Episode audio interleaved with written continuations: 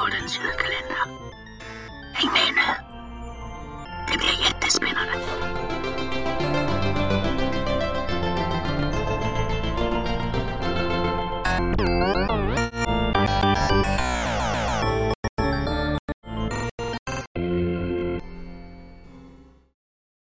På morgonen den andra dagen vaknade människorna på Vidargatan och Norrtullagatan och Upplandsgatan och på alla andra gator i Stockholm och i Sverige och i världen.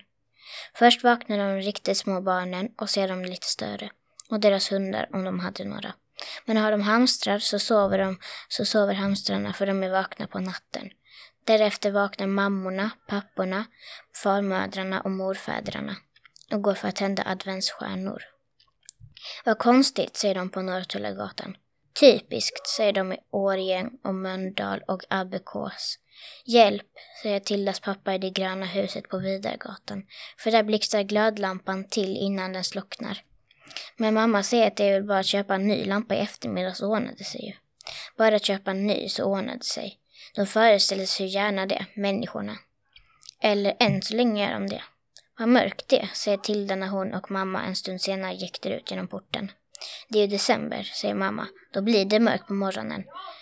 Men det blir bättre när snön kommer. Raska på nu. Om det nu kommer någon snö, det kan ingen veta. Eller? Kanske kan någon det där. Och den någon vet dessutom att alla önskar sig snö på julen.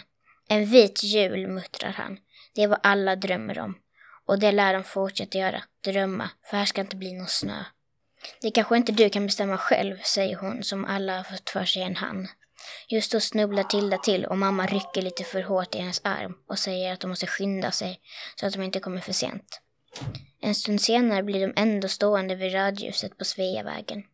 Mammas röda stövlar trampar irriterat på stället och hon trycker energiskt på knappen som ska göra så att det slår om till grönt.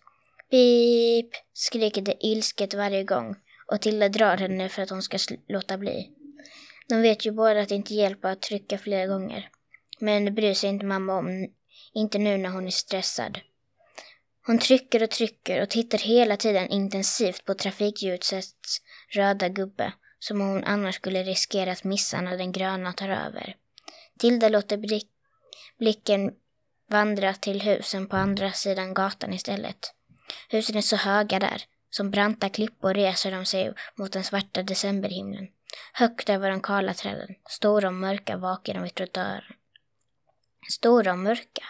Och då, precis då, när ljuset äntligen slår om och mamma sliter med sig Tilda över övergångsstället, precis, precis då ser hon inte en enda adventsstjärna lyser. I alla fönster hänger de slocknade och vassa. Hej du! Lyssna på fortsättningen imorgon den 3 december.